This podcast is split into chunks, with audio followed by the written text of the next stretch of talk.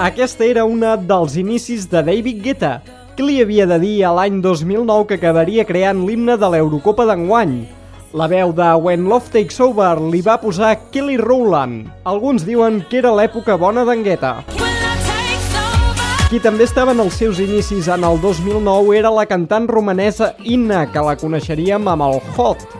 Més tard vam saber de més temes dents de l'Europa de l'Est, tant d'Ina com d'Helena George o Anna, entre d'altres. I un artista que coneixíem aquell any era el raper Pitbull amb I Know You Want Me, que seria la primera de molts èxits. A l'estiu del 2010, Yolanda Be Cool s'atrevia amb un remix d'aquesta que segur que coneixes. Recorda que el nom és We No Speak Americano. Aquell estiu també s'estrenava Edward Maya juntament amb Vika Gigolena. L'amor també sona millor en estèreo. Estéreo Love. El 2010, Robert Ramírez posava banda sonora al programa El Club del Xiste d'Antena 3, on descobríem l'exitós monologuista Leo Harlem, el tema Sick of Love. Uns altres que descobríem i que durarien molt poc com a formació van ser els LMFAO, que ho petaven el 2011 amb el Party Rock Anthem. I en aquell estiu vam tornar a saber de King Africa, conegut per temes com La Bomba o Paquito el Chocolatero, s'atrevia amb una nova versió del popular La Ramona de Fernando Esteso. La Ramona es la más gorda de las mofas de mi pueblo.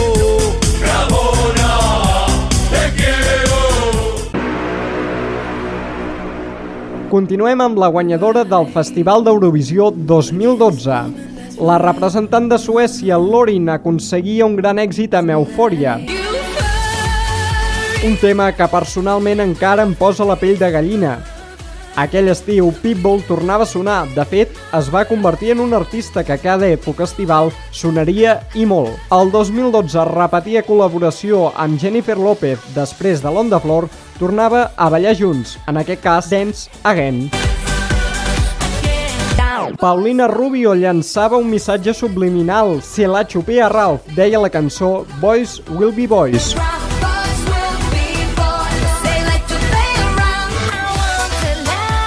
Una manlleuenca va sonar molt a l'estiu del 2013. De nom artístic, Núria Swan amb el One You. I Pitbull hi va tornar amb Jennifer López. Era la tercera vegada que feien un tema junts, i no l'últim. Segurament hi havia una molt bona relació, potser alguna cosa més que simples amics. Live It Up era el seu tercer tema.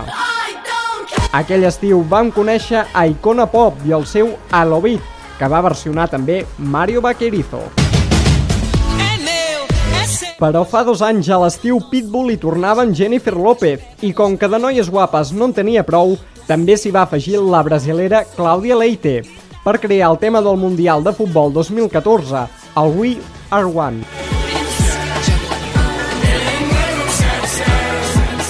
David Guetta, que ja perdia posicions en el rànquing dels millors DJs del món, però altres pujaven com l'escuma. És el cas de Calvin Harris i el seu tema d'estiu Summer. Mai millor dit, oi?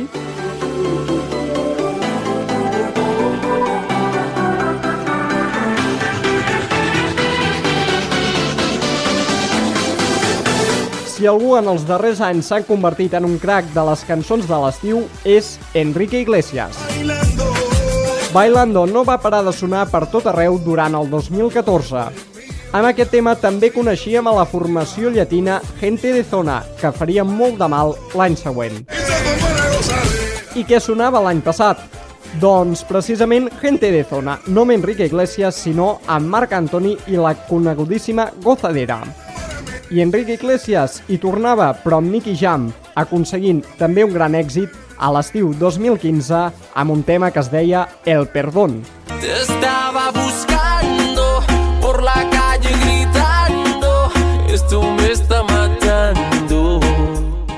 Pel que fa a música electrònica, l'or se'l va emportar Major Lazer amb Only Non.